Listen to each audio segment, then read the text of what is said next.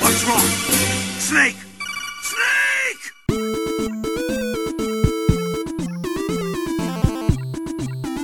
Cześć, witamy Was serdecznie w najnowszym, czwartym już sezonie Gorących Krzeseł. A kto Was wita? Ja, Krzysiek Ceran, Rafał, E, Ja, Rafał. Ty, Rafał, Patatyn Pataty. i Kamil. On, Kamil Borek. On, Kamil Borek. E, tak, i co? Wracamy z krzesłami po wielu miesiącach nieobecności. Przez te wiele miesięcy było mnóstwo ciekawych historii i newsów growych, które wszystkie były opisane na naszym fanpage'u Gorące Krzesła na Facebooku, więc tam mogliście wszystko śledzić. Natomiast z ważnych, istotnych rzeczy e, rozgrywających się w ostatnich dniach to e, wreszcie ukazał się z dawna wyczekiwany RPG Disco Elysium. E, kiedy, Czy to już się ukazało?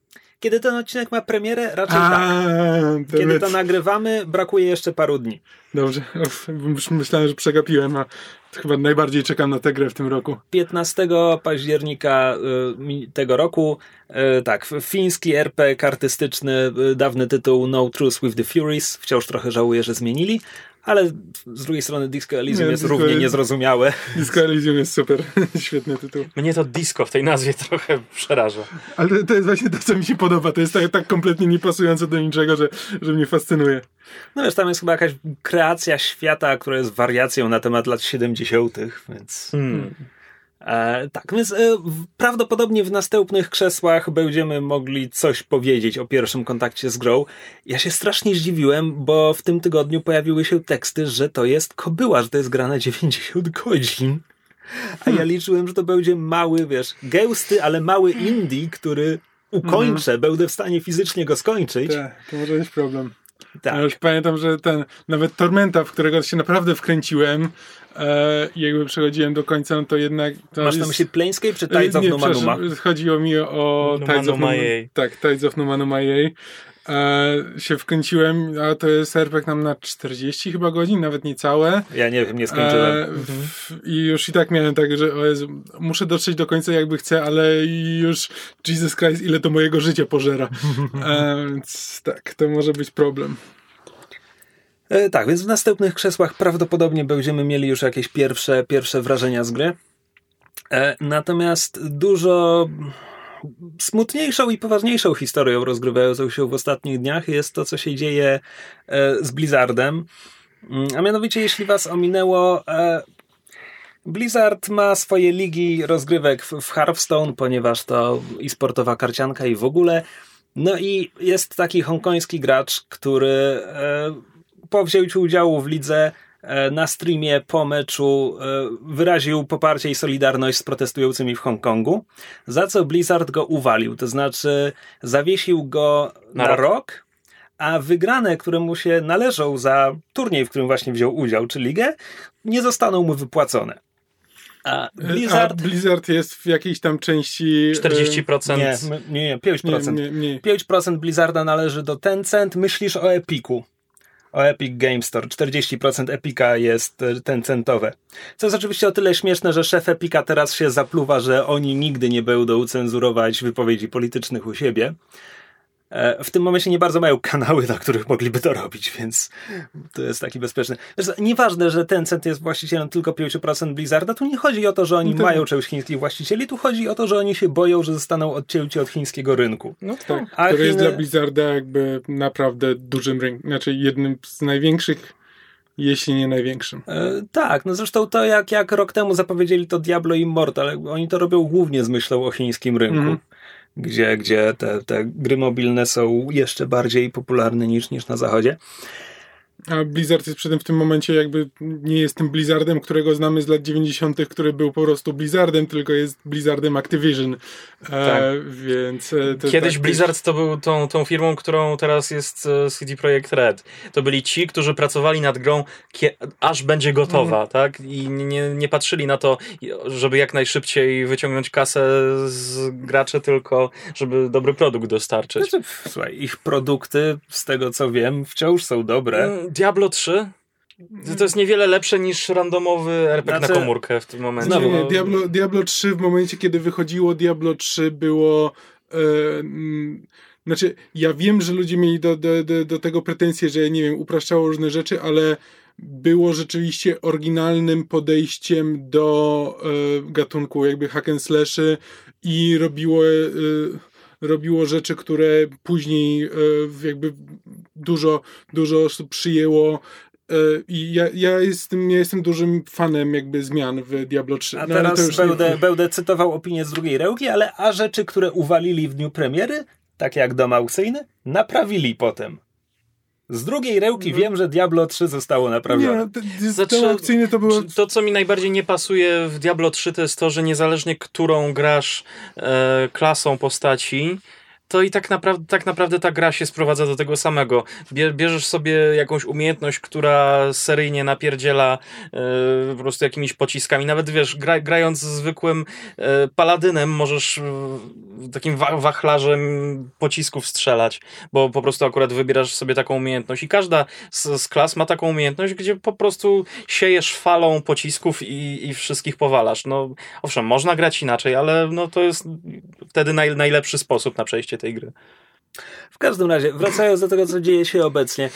E, szczęśliwie na razie wygląda na to, że ta decyzja boli Blizzarda, e, jeśli chodzi o, o ich. No o to, o to, jak to jest opisywane, o reakcje ko kolejnych ludzi. Jakby były nawet jakieś małe protesty pracowników Blizzarda. Mhm. Ostatnio jakiś e, streamer powiedział, że zrywa z nimi współpracę, jeśli, jeśli nie zmienią tej decyzji i tak dalej. To, co mnie w tym momencie najbardziej interesuje, to to, że 1 listopada zaczyna się BlizzCon i idę o zakład, że Blizzard bardzo chciałby, żeby ludzie ludzie zapomnieli do, do końca I miesiąca. Ja jestem przekonany, że im tego szans. nie podarują. Tym bardziej właśnie, że już za trzy tygodnie będą mieli szansę pokazać w jakiś sposób swoje niezadowolenie.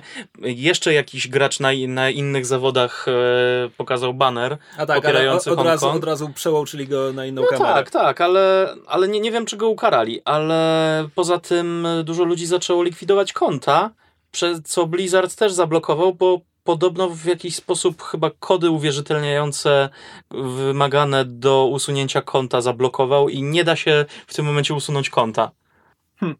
To znaczy- taki nagłówek mi dzisiaj mignął jako, jakoś zanim tutaj hmm. wyszedłem. Nie, nie, nie wczytywałem się głębiej, ale na, myślę, że to ich będzie bolało jeszcze przez dłuższy czas i nie znaczy, zdziwię się, jak na blisko nie będą protesty. Znaczy, znaczy na 100%, na 100% jakby będą, bo już ludzie w tym momencie prowadzą kampanię do tego, żeby May bodajże, jedna z bohaterek tak. Overwatcha stała się ikoną e, rewolucji. Pro, tak, protestów tak. w Hongkongu po to, żeby, e, żeby w ten sposób narobić Blizzardowi kłopotów z, e, z chińskimi władzami, e, więc jakby jestem przekonany, że e, będą ludzie się organizować po to, żeby właśnie wykorzystać BlizzCon do tego, by przywalić Blizzardowi jak najbardziej. No tak, Tym tak, bardziej, że już nie mamy tak naprawdę sentymentu do Blizzarda. No, no tak, ja jakby, na pewno nie mam. Nie, ale Blizzard, Blizzard bardzo dużo stracił jakby w, w oczach graczy, jakby z, na, przestrzeni, na przestrzeni ostatnich lat, jakby widać to było właśnie po zapowiedzi Diablo Immortal, która jakby moim zdaniem była przesadzona, ale jakby to nie zmienia faktu, że jakby widać, że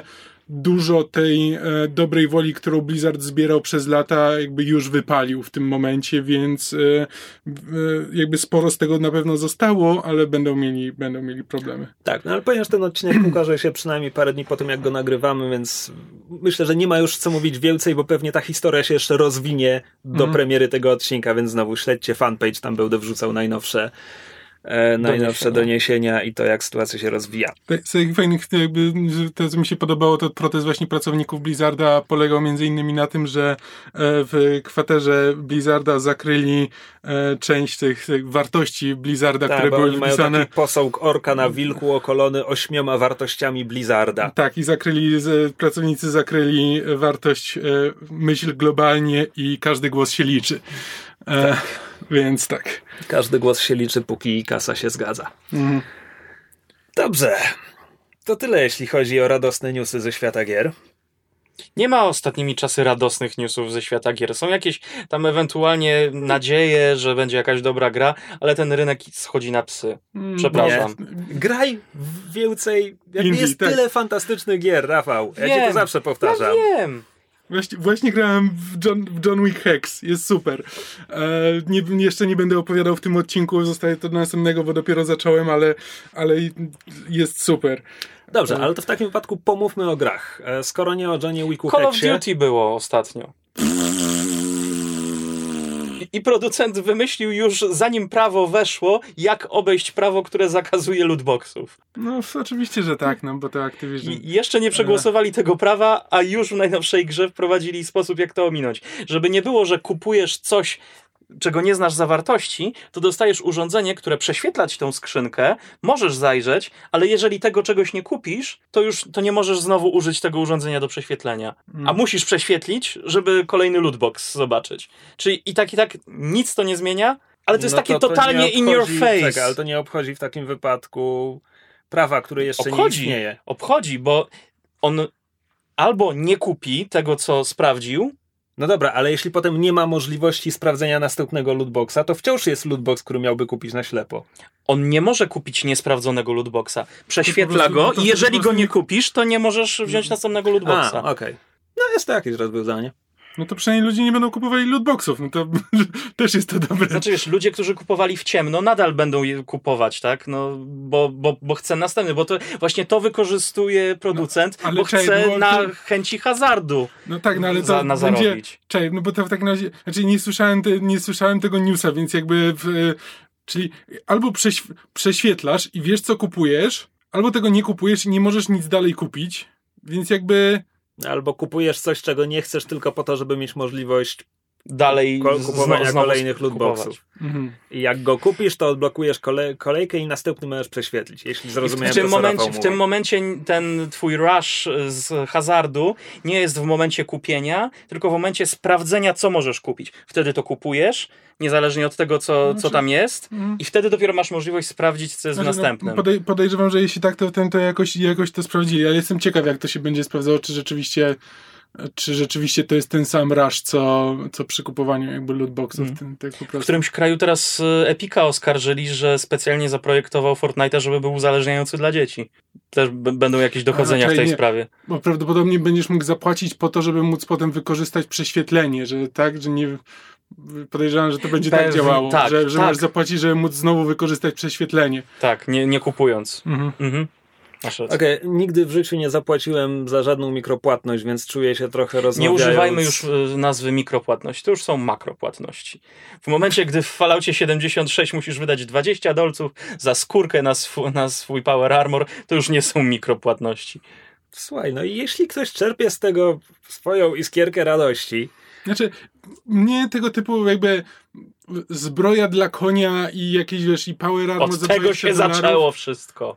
Mm, znaczy, To była pierwsza we, wewnątrzgrowa płatność. Znaczy, okej, ale jakby ja nie mam problemu z jakby mikropłatnościami w ramach gier. Na przykład w ramach e, Lola czy e, Doty, jakby nie gram w te gry, to nie jest tak, że ja ten, ale Ale wiesz, na czym polegają tamte Ale wiem, na czym płatności. polega i jakby rozumiem, że jeśli ktoś gra w grę, która jest jakby nawet nie to, że jest darmowa, znaczy, ale jeśli ktoś gra w grę, poświęca jej bardzo dużo czasu, to jest ta gra, w którą gra cały czas, e, to to jest jakby możliwość wsparcia deweloperów. Ja przy czym e, mówimy w tym momencie jakby przy Bethesdzie i tak dalej, mówimy o deweloperach. Puh. E, no, Bethesda jest dobrym wydawcą, jest chujowym producentem. E, e, I jeśli mówimy o studiach AAA, to one nie zasługują moim zdaniem na te pieniądze, ale jakby rozumiem jakby mikropłatności jako sposób wspierania em, deweloperów, jeśli gracz od razu wie, za co płaci, jeśli to są kosmetyczne rzeczy, jeśli to jest coś, co po prostu sprawia mu e, jakby przyjemność w kustomizacji swojej postaci i wspierania twórców, a nie to, co próbuje wykorzystać te jakby najniższe instynkty e, ludzi i ten jaszczurczy móżdżek, który ci e, wytwarza dopaminę, kiedy klikasz przycisk i nie wiesz, co dostaniesz. Ale w tym momencie coraz właśnie więcej tych gier stara się jakimiś właśnie takimi ukrytymi kanałami wprowadzić e, możliwość pay to win. Bo No, na, na przykład cho- chociażby właśnie w Falloutie masz teraz te repair kity, że możesz sobie naprawiać broń i, i, za, i za to Czy, płacić. czy by ten e, Fallout naprawdę skrzywdził, co? Jak na no grę... nie zauważyłeś cały poprzedni sezon, ja na niego psioczyłem. Jak na grę, w którą nie grasz, jesteś zaskakująco na bieżąco. I nie, nie, nie zagram. Dopóki nie usłyszę dobrej recenzji, że ta gra jest już warta pieniędzy. Ale ona nigdy nie, nie będzie warta, warta tych pieniędzy. pieniędzy. No to nigdy w nią nie zagram no i, i będę po niej jeździł jak po no Bardzo dobrze, bo jakby Fallouty ani trójka, ani czwórka nie zasługiwały na nasze pieniądze. New Vegas może. Ale... Jak to może? Zdecydowanie. Znaczy, New dobra, Vegas, New Vegas tak. zdecydowanie, przepraszam. Tak. Ach, Outer Worlds, błagam, nie skrzywdź mnie jak, jak Fallout. E, dobra, tak, mieliśmy porozmawiać o grach. Rozmawiamy o grach. Rozmawiamy cały czas o rynku. O grach, które graliśmy ostatnio. Oj tam. A nie narzekać po raz Dobrze, na grę, zacznij, powiedz ja, swoje ja mogę, i my wtedy... Ja mogę zacząć w takim razie przejść do gry AAA, która, która rzeczywiście mi się podobała i, w, e, i uważam, że jest dobra. To znaczy Control bo tak, żeby, żeby trochę niesmak to spłukać po tym, co mówiliśmy o Activision i tak dalej. Znaczy, Control to jest takie no, podwójne A, może nie potrójne. Mm, ja e... będę mówił o podwójnym A, ty mówisz o co najmniej 2,5. Dobrze. Mówimy o bateriach? E... Mówimy o... Wiem o czym mówię, Dobrze. nieważne. Pominimy ten dowcip. Tak, tak, tak, tak, tak. Control to jest gra studia Remedy, które wcześniej stworzyło Maxa Payne'a i Alana Wake'a i coś tam jeszcze. Quantum Break. Nie no zapominajmy o Quantum Break. Break. Nigdy nie grałem w Quantum Break, ponieważ e, przez długi czas mi się wydawało, myliłem Quantum Break nie, nie to, że myliłem. Wydawało mi się, że Quantum Break jest grą Davida Cage'a, więc ją omijałem z daleka. Eee, Czemu?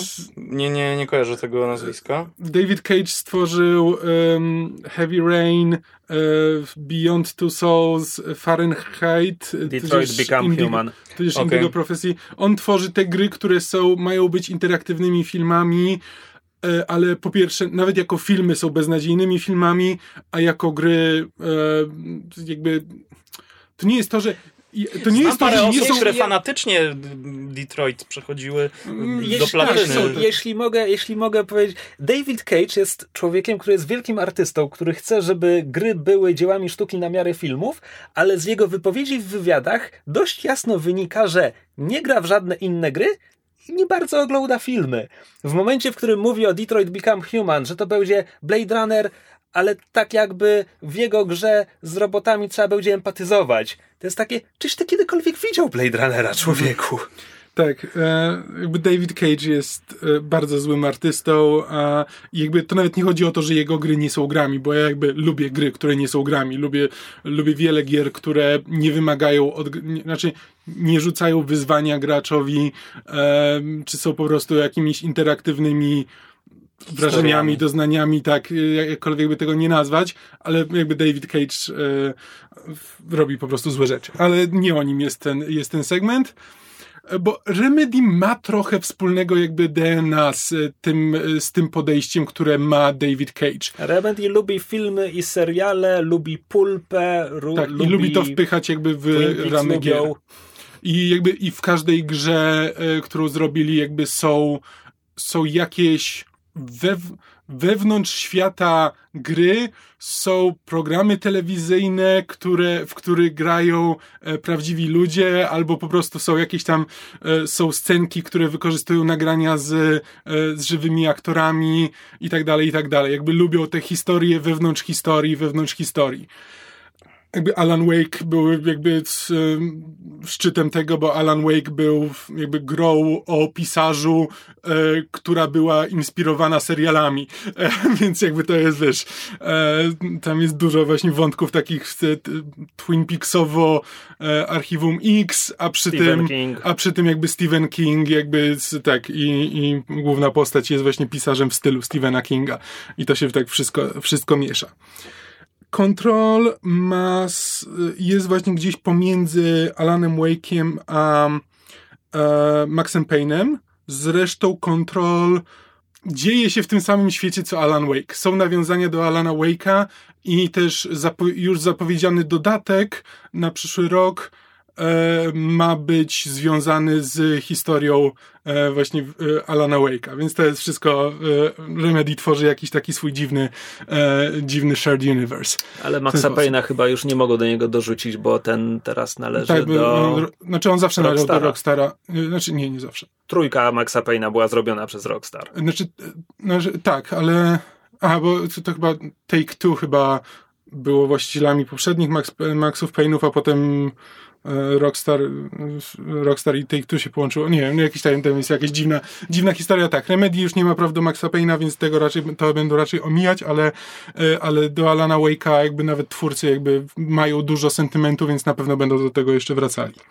Szczególnie, że wykupili, jakby specjalnie wykupili prawa, żeby móc, e, móc dalej kontynuować. Bo Alan Wake należał chyba do Microsoftu czy czegoś tam. Um, Z Alanem Wake'iem jest jeszcze ten głupi przypadek, że wygasły prawa do muzyki wykorzystanej w grze i Alan Wake spadł A, tak, ze, z dystrybucji mhm. cyfrowej. Mm -hmm. Nie wiem, czy to załatwili w końcu jakoś. Mam wrażenie, że coś tam nie, czy, czy potem American Nightmare chyba tylko wróci. Nie, już nie wiem, nie, nie, nie pamiętam w tym momencie, ani chcę z głowy tego, tego wspominać, bo nie przygotowałem się Dobra, pod tym tyle, kątem. Tyle dorobek Remedy. Control. Tak. Control jest historią właśnie też czerpiącą mocno z pulpy, rozgrywa się w tak zwanym najstarszym domu, który jest budynkiem w Nowym Jorku, który jest ukryty. Znaczy, jeśli budynek chce, żebyś go znalazł, to go znajdziesz. I w tym budynku znajduje się e, właśnie biuro kontroli, której, e, federalne biuro kontroli, e, które zajmuje się znajdywaniem i jakby przetrzymywaniem, badaniem e, różnych zjawisk e, nadnaturalnych. Czyli faceci w czerni pomieszani z tym magazynem, do którego trafia Arka Przymierza na koniec Indiana Jonesa. Coś w tym stylu. A sam ten najstarszy dom jest budynkiem, który się wiecznie zmienia, więc czasami jeśli wsiądziesz do windy i chcesz pojechać na trzecie piętro, to nagle wyjdziesz w męskiej toalecie. Bo, bo tak. Pytanie, czy to się dzieje tylko w oskryptowanych momentach, czy to jest system, który po prostu Właśnie, tak działa? E, nie, niestety to, to, nie jest, to nie jest system, który by tak działał. To nie jest też coś, co... Gra wykorzystuje? Nawet nie to, że. Nie, nie, nie, nie do tego zmierzam. E, to nie jest bardzo mocno obecne w grze, e, ale to jest fajne, bo to jest coś takiego, że czasami po prostu nagle znajdujesz jakieś przejście w miejscu, przez które, ponieważ gra jakby toczy się w otwartym świecie. Wszystko się dzieje oczywiście w tym jednym budynku, ale jakby wracasz wielokrotnie do tych samych pomieszczeń, jakby przychodzisz, to jest po prostu e, arena, po której, po której wielokrotnie przychodzisz i e, tam odkrywasz nowe, nowe części, ale zawsze wracasz do różnych miejsc i czasami nagle się orientujesz, że to chyba nie było przejścia między tymi mm. dwoma lokacjami, ale nie jestem tego pewien. A czy to jest taka trochę, taki trochę Metroid albo Arkham Asylum, że zdobywasz umiejętności, które sprawiają, że musisz wracać, żeby przejść. To, to, co mi się nie do końca podobało w God of War. E, znaczy, trochę są jakby pewne. Zasadniczo większość rzeczy, do których jakby musisz zdobyć jakąś umiejętność, żeby później dojść, są e, w ramach jakby fabuły. Jakby fabuła cię tam poprowadzi. Znaczy, że teraz jak już zdobyłeś to, to znaczy, że następne, e, następna ścieżka fabularna będzie cię, poprowadzi cię gdzieś w inne miejsce, do którego byś nie dotarł, gdybyś nie miał umiejętności tam, powiedzmy, latania ale ty, i, i są też jakby, są ukryte przejścia, do których jakby jak już zdobędziesz jakąś umiejętność, to możesz się nagle dostać, ale to są zazwyczaj po prostu takie bardziej easter eggi, że znajdziesz tam e, jakiś kawałek tekstu e, do przeczytania i to wszystko. Okay. Mm. I sama gra jest głównie strzelaniną, czy tak, tam się coś jeszcze innego robi? Nie, jest głównie, e, głównie strzelaniną, to jest jakby główna mechanika. Masz masz tak naprawdę w grze e, jedną broń, ponieważ to wszystko się rozgrywa w świecie. W momencie, kiedy wchodzisz do głównego budynku, to znajdujesz przy wejściu przy bramkach, e, znajdujesz informację o tym, że do budynku nie można wnosić żadnych, e, żadnych archetypicznych przedmiotów w rodzaju na przykład gumowej kaczki. Ponieważ, ponieważ, ponieważ w tym świecie to wszystko działa tak, że ludzka wola jakby napełnia przedmioty mocą, że jeśli wiele osób e, zwraca uwagę na jakiś przedmiot, na przykład jednym z przedmiotów, które znajdujesz, które dają ci później moc, jest dyskietka, na której, e, na której znajdował się program, program, który sterował lotem na księżyc. i, w, w, i, to ci daje, i to ci daje moc e, telekinezy, bo, bo coś tam. E, nie, będę, nie będę w to teraz wchodził. Ale, okay. Ale tak to w tym świecie działa, że po prostu są przedmioty, które, e, które jeśli w ludzkiej takiej mm, wspólnej świadomości zajmują znaczące miejsce, to to mogą zostać napełnione jakąś mocą i, e, i robić, robić dziwne rzeczy. I tak, y, wracając do, do, mechaniki, głównie się strzela, masz właśnie, masz broń, którą zdobywasz na początku, która należy zawsze do dyrektora e, Federalnego Biura e, Kontroli. Poprzedni dyrektor popełnił samobójstwo e, i ty go znajdujesz, bierzesz tę broń i zostajesz dyrektorem Biura Kontroli. Brzmi jak rozsądny system. Tak. I, te, i cała ta gra zdaje sobie sprawę ze swojej dziwności, jakby gra na tym. Jest bardzo mocno taka oniryczna, że to wszystko ma taki charakter jakby wizji sennej, bo wszyscy, kiedy ludzie z tobą rozmawiają i ty, i ty im mówisz, że teraz jesteś e, dyrektorem biura kontroli, to wszyscy są tak na zasadzie, mhm, to jest, wiesz, I to jest trochę tak, jakbyś jak w swoim śnie, gdzie po prostu pewne rzeczy, które są absurdalne, dla ciebie mają kompletnie jakby pełen sens, jakby kompletnie rozumiesz, czemu, mhm. E, czemu tak działają.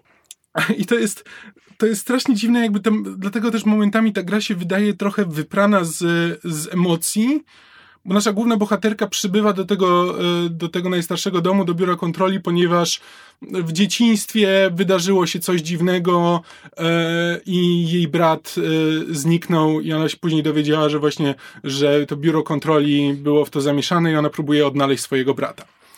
Do kogo się strzela tak naprawdę? Tam są jakieś potwory, czy... Są co, właśnie w momencie, kiedy główna bohaterka e, znajduje, e, znaczy trafia do, do tego najstarszego domu, to on zostaje przejęty przez coś, co się nazywa hys, czyli syk po, e, po polsku. Mhm. Czyli jakąś, jakąś dziwną moc, która przejmuje nad ludźmi kontrolę. E, kontrolę? Czyli głównie strzelasz do pracowników biura kontroli? Tak. Okej. Okay. Do byłych pracowników biura kontroli. Tak, więc dostajesz ten, ten jeden pistolet, który później e, możesz, e, może się zmieniać w, e, w różne inne formy, które tak naprawdę są shotgunem, czymś na kształt snajperki, czymś na kształt granatnika, e, i czymś na kształt e, karabinu maszynowego. No tak, tak. I do tego dostajesz też jakieś telekinetyczne moce. Tak, masz, masz parę kinet, możesz rzucać, e, rzucać przedmiotami. Telekineza jest o tyle fajna, znaczy jest ewidentnie ma być jedną z swoich głównych mocy, ponieważ po pierwsze E, nie musisz bardzo mocno celować przedmioty. To nie jest tak jak w wielu grach, gdzie musisz najpierw nakierować celownikiem na ten konkretny przedmiot, przyciągnąć go do siebie i potem dopiero nim rzucić, co zazwyczaj kończy się tym, że bardzo rzadko korzystam z telekinezy w grach komputerowych, bo wymaga dużej precyzji. Podczas gdy tutaj tak naprawdę naciskasz guzik, przytrzymujesz guzik, i jakby Jessie, główna bohaterka, łapie przedmiot, który jest gdzieś mniej więcej w okolicy celownika możesz go, zaczyna go przyciągać do siebie, ale nawet jeśli go nie przyciągniesz do siebie, to jeśli puścisz przycisk, to ona po prostu nim rzuci z tego miejsca, w którym akurat on jest, e, więc to, to jakby sprawia, że ta moc się staje dużo dynamiczniejsza i też można wykorzystywać to taktycznie, bo na przykład są przeciwnicy, którzy unikają przedmiotów rzucanych, ale możesz rzucić w nich z tyłu, tak żeby się nie zorientowali. A w, dodatku, a w dodatku, nawet jeśli nie ma żadnego przedmiotu, to po prostu Jesse wyciąga kawał po prostu e, kamienia ze ściany i nim rzuca. E, więc nawet nie. Tylko po prostu. Telekineza. Tak, tylko po prostu to jest kwestia tego, że no, jeśli, jeśli rzucasz konkretnym przedmiotem, to on jest silniejszy niż e, taki kawał kamienia wyciągnięty ze ściany, a najsilniejsze no to są oczywiście gaśnice i wszystko, co wybucha. Oczywiście. E, jedną z umiejętności jest lot, prawda? Tak, który zdobywa... Pamiętam, jak oglądałem zwiastun, zastanawiałem się, jak to wyjdzie, bo poruszanie się w trzech wymiarach w grach czasami bywa strasznie toporne. Tutaj mi się bardzo przyjemnie latało. Znaczy, to jest tak, że ten lot jest ograniczony, Eee, że jakby... Czy to jest coś, co, czego używasz tylko do eksploracji, czy to się przydaje w walce? Przydaje się w walce mniej więcej na takiej zasadzie, jak to powinno czy miało działać w Antemie. W Antema nie grałem, ale jakby widziałem e, filmiki z gameplayu, czyli jakby to jest coś, co Masz powinieneś wykorzystywać. ograniczoną ilość paliwa, tak? Znaczy, tak, że to działa jakby przez jakiś czas, że jakby wzlatujesz w powietrze, do pewnego poziomu i jakby na nim się zatrzymujesz, możesz, możesz latać dookoła przez jakiś czas i po prostu po pewnym czasie zaczynasz opadać powoli e, na dół. Więc to jest taka moc, która się przydaje jakby do mobilności podczas walki. Znaczy możesz, możesz się na chwilę wspiąć na górę, żeby, e, żeby strzelić przeciwników, którzy chowają się za osłonami. Tego typu, tego typu rzeczy. E, tam oprócz tego jest jeszcze możliwość przejmowania, przejmowania kontroli nad, nad przeciwnikami, także oni zaczynają z, walczyć ze swoimi, e, znaczy z twoimi wrogami. E, I jeszcze tarcza, której praktycznie w ogóle nie, nie wykorzystywałem. Dobra, czyli rozumiem, że gra podobała Ci się mechanicznie, podobał Ci się jej klimat, czy ma jakieś wady? Znaczy, wiesz co, e, tak naprawdę największą wadą to jest to, że znaczy ta mechanika walki jest, e, jest w porządku, jest przyjemna, ale mm, bez przesady? Bez przesady, tak. Gdyby to była po prostu strzelanina bez tej całej otoczki, to bym się, to by mnie tak, e, aż tak nie wciągnęło. Ale jakby, ale ponieważ fabuła jest naprawdę bardzo fajnie napisana, nawet a wręcz szczególnie jakby rzeczy, takie przypadkowe teksty, które zbierasz po drodze i znajdujesz, znajdujesz różne dokumenty, które sporządzało biuro przez lata. I one są jakby, one mają taką formę typowych e, dokumentów. Nie, nie, nie. Audiologii też znajdujesz, ale rzadziej. To są po prostu jakby no, po prostu tekst, zwykły mhm. tekst na ekranie, tylko że to ma formę jakby dokumentów y, rządowych, gdzie część informacji jest y, zakreślona czarną, y, czarną taśmą, żeby, żeby nie można było przeczytać. E, więc takie znajdujesz, znajdujesz różne raporty właśnie dotyczące tego, co biuro znalazło. I po prostu to są takie, to jest taka mikrofikcja, jakby drobne historyjki, które są e, po prostu interesujące same w sobie. Gra znajduje też czasami fajne pomysły na wykorzystanie tego, tego zakreślania. E, w pewnym momencie znalazłem taki po prostu kartka, która jest w stylu um, All work and no play makes Jack a dull boy. Po prostu jedno zdanie wypisane przez całą stronę, ten I'm a, uh, I'm a plaid suit in a pinstripe world. I po prostu tak wypisane na całą stronę to jedno zdanie i gdzieś w środku jedno z tych zdań jest prze przekreślone. I to natychmiast tak uruchamia wyobraźnię na zasadzie a okej. Okay. okay. E, co tam się dzieje? E, potrafi być też śmieszna. Jeden z, e, tam w pewnym momencie jest taki poboczny quest, w którym musisz znaleźć przedmioty, które podczas całego tam zamieszania wydostały się ze swoich klatek i teraz musisz tam je znaleźć w różnych miejscach. I Wizards Unite. Tak. W pewnym momencie musisz znaleźć, musisz udać się do pokoju pocztowego i tam znaleźć przedmiot, który nazywa się Moving Letters, czy wzruszające listy przedmiot moving letters ucieka przed tobą, kiedy próbujesz się do niego zbliżyć. Oczywiście. Tak, więc tego, tego, typu, tego typu żarty też się, też się zdarzają. I co, zasadniczo większość historii jakby poznajesz, jest parę postaci, które tam się przewijają, które mają swoje modele w grze, ale też czasami ale są, są wzorowane jakby na aktorach, którzy czasami pojawiają się na, film, na filmach, e, które znajdujesz e, w, podczas gry. Znaczy szczególnie jakby główną, główną taką postacią tam jest e, jeden um, szef działu badawczego, który, który ciągle tam nagrywa filmiki, jakby on jest, on jest takim głównym mechanizmem do dostarczania, do dostarczania fabuły. I ten aktor, którego gra jest naprawdę, naprawdę bardzo fajny. E, ja tak staram się mówić bardzo ogólnie, bo nie chcę za bardzo wchodzić w fabułę, bo po pierwsze, jakbym zaczął, jakbym próbował ją tłumaczyć, to ona nie będzie miała za dużo sensu. To są, to są tego typu rzeczy, że to, to, co mówiłem na przykład na temat tego, że jesteś dyrektorem tego biura kontroli, ale na samym początku gry gra zaczyna się od tego, że widzisz jakiegoś woźnego i jednym z pierwszych obrazów, który widzisz, to jest e, właśnie, to jest ten woźny, który ma po prostu ma wielki obraz tuż obok e, różnych dyrektorów i szefów różnych działów i jest podpisany the, e, the work of the bureau. I ten, y, później spotykasz tego woźnego, on jest jednym z, jednym z głównych postaci tej gry. I tak naprawdę wszyscy traktują ciebie jako dyrektora, jako właśnie takiego przynieś, podaj, pozamiataj. Na zasadzie ty im mówisz, że jesteś dyrektorem, a oni ci mówią, fajnie, to w takim razie, czy mógłbyś pójść gdzieś tam i, y, i załatwić dla mnie sprawę.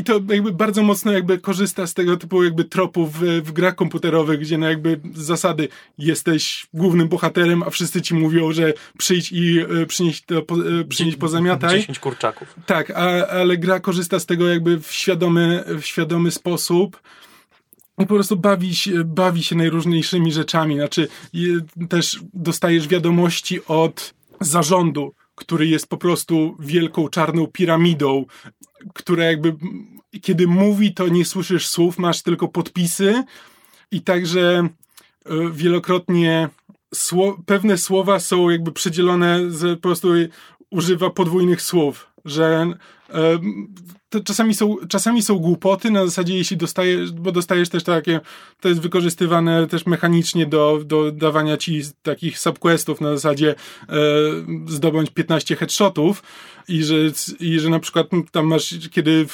zarząd ci zleca to, to wykorzystuje e, five, e, tam shoot head slash melon. I wielokrotnie wykorzystuje takie po prostu, wiesz, słowo slash słowo, tak podkreślając taki, to się po, po angielsku nazywa double speak, ten sposób takiego mówienia, żeby żeby coś powiedzieć oględnie, ale nie powiedzieć. Taki typowo korporacyjna nowomowa, gdzie jakby wiesz, że pewne słowa są używane, tylko, tylko gra to wyciąga właśnie z podtekstu do, do tekstu. I to są najdziwniejsze rzeczy, które po prostu ten... Y, to jest tak, że to jest gra, no owszem, stworzona przez studio, przez Remedy, ale e, Remedy ma jakby głównego e, scenarzystę, który jakby jest, e, pisał jakby ich dotych, do, dotychczas jakby wszystkie gry. Więc dlatego, dlatego te wszystkie gry mają dosyć spójny, spójny klimat i jakby widać, że to jest, to jest jakby dzieło jednego umysłu. Wiadomo, że pracują przy tym, na pewno pracuje przy tym dużo ludzi, jakby teksty pisało, ale jest ktoś, kto nadzorował, kto miał jakąś wizję i jakby stworzył fajną grę, w którą przyjemnie się gra, która może nie ma jakoś wiele do powiedzenia. To nie jest tak, że ta gra porusza jakieś głębokie, ważkie tematy, ale ma coś do powiedzenia i robi to w sposób, którego, e, który rzadko kiedy się spotyka. Znaczy, jest bardzo mocno jakby inspirowane wiesz, Davidem Lynchem, e, czy Archiwum Mix wieloma takimi pulpowymi e, jakby pulpowymi, kultowymi seriami zazwyczaj. Zazwyczaj, zazwyczaj nawiązuje do seriali, e, ale po prostu jako jako po prostu praca scenarzysty. To jest, e, to jest to, co jest w tej grze najbardziej imponujące. Okej. Okay. Mhm. I w tym momencie... Zachęciłeś mnie nawet. E, przeszedłeś się już do końca? Tak. I teraz już zostały zapowiedziane tam kolejne dodatki, jakoś teraz tam do znaczy w tym roku to tam ma się pojawić tryb fotograficzny, ale tam jakoś na początku kolejnego roku tam ma się pojawić jakiś nowy tryb gry, który prawdopodobnie będzie czymś bardziej arcade'owym, a potem ma być jeszcze dodatek O, AWE, który w grze jest skrótem od Altered World Events, czy coś takiego. Ale to kryptonim e... Alan Wake Expansion. Tak, więc to więc jakby wszyscy podejrzewają, że to będzie, to będzie ten dodatek, który będzie łączył e, dużo wyraźniej jakby kontrol z Alanem Wake'iem. Okej, okay. to brzmi ciekawie. No. Ja grałem w Borderlands 3. Roz, rozumiem, że ten tytuł zawsze trzeba tak mówić, tak? Tam masz bardzo dużo świrów, którzy się wydzierają mm -hmm. i mhm. krzyczą dziwne rzeczy w twoim kierunku, czyli, gdy czyli, biegną na ciebie z toporem. Czyli na, nawet jeśli ja będę próbował powiedzieć nazwę tej gry, to przypadkiem wyjdzie mi Borderlands! Tak? Dokładnie. Okay. No, muszę, muszę wam powiedzieć, że Borderlands! Kamil, nie mówmy, nie mówmy już więcej Borderlands! Więc tak, e, ty, Krzysiek, chyba nie grałeś w poprzedniej części. Wiesz co, e, dawno, dawno temu Kamil dał mi pograć chwilę chyba w pierwszą. Okej. Okay. Ty, Kamil... E... E, ja grałem w, e, w, nawet chyba w trzy części, bo grałem w jedynkę, grałem w dwójkę i grałem w pre-sequel. Pardon? E, grałem w Tales from the Borderlands. Były znakomite. Właśnie, tak. Dlatego nie mam ochoty grać w resztę cyklu.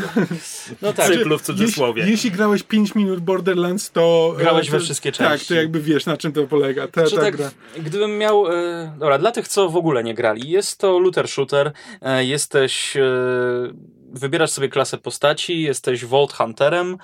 Vaults to są jakby krypty, które zostały pozostawione na niektórych planetach przez da, pradawną rasę Vault Builders. Powiedzmy. Vault Contractors. Niech, niech tak będzie. Nie, bo zbierasz też minerał, który nazywa się Iridium i kojarzę, że ta nazwa e, The Iridian Race, Iridian Race, coś w tym stylu. Tak, cała mistyczna jakby magia pochodzi e, od tej rasy, ponieważ przy wykorzystaniu Iridium mogą jakąś tam dodatkową magię syreny wykorzystywać. Syreny to jest jedna klasa postaci dostępna e, w pierwszej części i teraz znowu można grać z Syreną. Na, na przykład obecnie Syrena może jakby takie wielkie magiczne ręce sobie wytworzyć i atakować wręcz. Inne Syreny potrafiły się jakby teleportować z wybuchami, inne Syreny potrafią zawiesić cię w powietrzu w jakimś takim w mini czarnej dziurze, coś w tym stylu. Wybierasz sobie klasę postaci. Ja w tym momencie gram e, robotem, który e, kocha naturę. Mhm. Hmm, Android 16 z Dragon Balla, coś w tym stylu, e, którego specjalna umiejętność którego jedna ze specjalnych umiejętności jest taka, że może jedną z trzech bestii sobie przyzywać. Ja gram, moja bestia to jest taka małpa, która w zależności od poziomu mojej postaci wykorzystuje różny rodzaj broni. Poza tym mogę stać się niewidzialny, przez co mam super krytyka przez trzy strzały, ale generalnie wykonujesz kolejne questy, jest to troszeczkę jakby moje pierwsze porównanie Borderlandsów pierwszych było takie taki shooter ale coś w stylu Diablo. No tak, no bo no tam tak. strzelasz do kolejnych przeciwników i liczysz, że wypadnie ci z nich lepszy sprzęt niż masz w tej chwili. Tak, oni się jeśli... chwalili, że mają miliony broni. No bo jeśli dobrze kojarzę, to chodzi o to, że te bronie są generowane tak. losowo. No, są tak. proceduralnie generowane po prostu z jakiejś tam listy rzeczy, które, które one mogą robić. Niektóre są naprawdę, z tego co są pamiętam... Zabawne jakby, niektóre znaczy, mówię, są. w tym nie grałem w trójkę jeszcze, ale jakby pamiętam, że w, w, są takie, wiesz, możesz znaleźć broń, która na przykład w momencie, kiedy kończy ci się, kończy ci się magazynek, to, e, to nie urzucasz i ona wybucha. Albo staje się małą wieżyczką, albo odbija się od ścian i strzela losowo. Albo masz karabin, shotgun kwasowy, który do ciebie krzyczy z, ze szkockim akcentem. Jak go przeładowujesz, to krzyczy Oh yes, put it inside me! Aha. Coś w tym stylu. No tak. e, humor jest mocno gimnazjalny miejscami, mhm. jest bardzo no, dużo tak podtekstów. Było owszem, bywa to zabawne, ale czasem mm. po prostu jest żenujące. Znaczy to, to jest, Borderlandsy zawsze miały tę przypadłość, że nawet jeśli jakby momentami były śmieszne, to to było jakby przykryte taką lawiną żartów, że jakby pewnie, jeśli rzucasz 150 żartów na sekundę, to jeden z nich prawdopodobnie, mm -hmm. wiesz, e, sprawi, że powiesz... No tak. to jest więcej na takiej zasadzie. Ka każdy quest, jak, jak poznasz jakąś kolejną postać, to ta postać jest taką jakąś kliszą z popkultury. Na przykład mamy, e, wiesz, brytyjskiego wąsacza, który je, poluje na dzikie zwierzęta. Mamy arystokratkę, która jest zimnym archeologiem i walczy mm. bronią lodową. W tym momencie głównym głównymi przeciwnikami w tej grze jest e, rodzeństwo, e, którzy to rodzeństwo sobie wytworzyło kult e, wyznawców, ponieważ o wiele łatwiej i taniej jest mieć wyznawców, którzy zgłaszają się, żeby po, poświęcić swoje życie dla ciebie, niż płacić komukolwiek.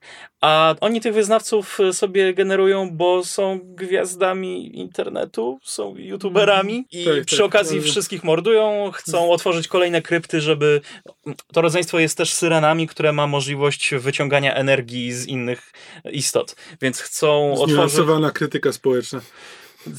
Tak. E, I wszystko jest, wiesz, na przykład jak w fabule, nie wiem, zabijają kogoś z twojej drużyny, czy tam jakiegoś NPC'a, który ci zdawał zlecenia, no to potem widać z tego filmik, jak oni robią sobie pozycję, wiesz, ala kawaii przy, przy trupie twojego przyjaciela, tak? Jak porównać trzecią część tej gry do pozostałych? W tym momencie mam nadzieję, że już szybko dojdę do końca tej fabuły. Naprawdę mam ochotę zabić tych influencerów, którzy są głównymi prze przeciwnikami, ale, ale mam nadzieję, że naprawdę długo mnie nie najdzie ochota, żeby grać w kolejne Borderlandsy, bo przeszedłem... Cytat na pudełko. Tak, przeszedłem pierwszy do końca jedynkę i długi czas się, długo się zbierałem, żeby zagrać w dwójkę. Zacząłem grać, pograłem kilka godzin, to było to samo co jedynka. Potem w ten pre-sequel, pre mhm. prequel, w pre-sequel e, zagrałem. Doszedłem do dwóch trzecich chyba i mi się już znudziło. Mhm. Ja miałem podobnie, tak po prostu skal... Pierwsze Borderlands grałem naprawdę bardzo dużo. Mhm, jedynka e, była... Potem właśnie siadłem do dwójki i też, też sporo w to grałem, ale nigdy nie skończyłem i potem usiadłem do tego pre-sequela i dosłownie po paru godzinach stwierdziłem, że właściwie czemu ja to sobie robię. Pre-sequel miał całkiem nawet zabawną tą fabułę, jeśli dobrze pamiętam. Nie, Tam było też wprowadzone coś nowego, bo w końcu już nie byłeś na tej jednej planecie, tylko na asteroidzie i mo można było wyżej skakać tak jakby z tą grawitacją mm. się też bawić. To, to było, to może dzięki temu było mm. mi przyjemniej trochę w to grać. Ale w tej trójce, owszem, można podróżować teraz między różnymi planetami, ponieważ mamy kilka krypt do otwarcia, ale sama rozgrywka jest troszeczkę bardziej jakby dopracowana, mam wrażenie. Jakby te to wszystko, co było trochę kanciaste w, poprze w poprzednich częściach, jest jakby wygładzone i nie ma problemów z poruszaniem się. O bardzo, o, o wiele polepszyła się mapa, bo jednak wprowadzili możliwość obracania mapy też w pionie i jest po pokazana wysokość nad poziomem morza, tak jakby, e, bo kiedyś miałeś powiedzmy znacznik questa i gdzieś w budynku i trzeba było skakać między poziomami, szukać po korytarzach, mm. żeby, żeby no się tak, dowiedzieć, gdzie, gdzie coś jest. Mapy. I w tym momencie jakby o wiele jakość gry się poprawiła prze, no. przez tą nową mapę, jest możliwość teleportacji się do punktów, e, teleportowania się do punktów kontrolnych z każdego miejsca na mapie, nie tak jak w poprzednich częściach, że trzeba było dojść do punktu i tam można było się teleportować, ale z kolei w tym momencie masz jeden, maksymalnie dwa punkty kontrolne na mapę, więc tak naprawdę dużo ci to nie daje, bo jeżeli musisz się przeteleportować na początek mapy, żeby znaleźć coś w połowie tej mapy, no to i, i tak i tak musisz się dużo poruszać i łatwiej chyba było po prostu przejść ten kawałek do punktu kontrolnego, żeby mieć bliżej później po teleportacji do, do, do, do tego swojego mhm. celu. Okay. Zakładam, że jeśli ktoś jest fanem cyklu i jeszcze się nim nie zmęczył, no to albo już zagrał w trójkę, albo ma zamiar to zrobić. Jeśli ktoś nigdy nie grał w Borderlandsy i miałby zagrać tylko w jedną część, to czy o jedynce mówicie, że, że była taka fajna, ale dlatego, że wtedy się wyróżniała na tle innych gier. Na tak. przykład mhm. dzisiaj powinien sięgnąć po trójkę jako po tę, która jest dopracowana. Myślę, że tak. A, znaczy, że, że zrozumiałem pytanie. Mm. Pre, pre-sequel też byłby fajny, ale ta trójka jest, jest w tym momencie no, taka, taka ulizana, jest w miarę mniej takiego łażenia po mapie bezsensownego, bo było o wiele, o wiele więcej łażenia z pistoletem po pustkowiach. Teraz, jeżeli masz takie pustkowia do pokonania, to wybierasz sobie, wsiadasz sobie w pojazd i jedziesz nim, gdzie też masz karabiny, rakiety w tym samochodzie.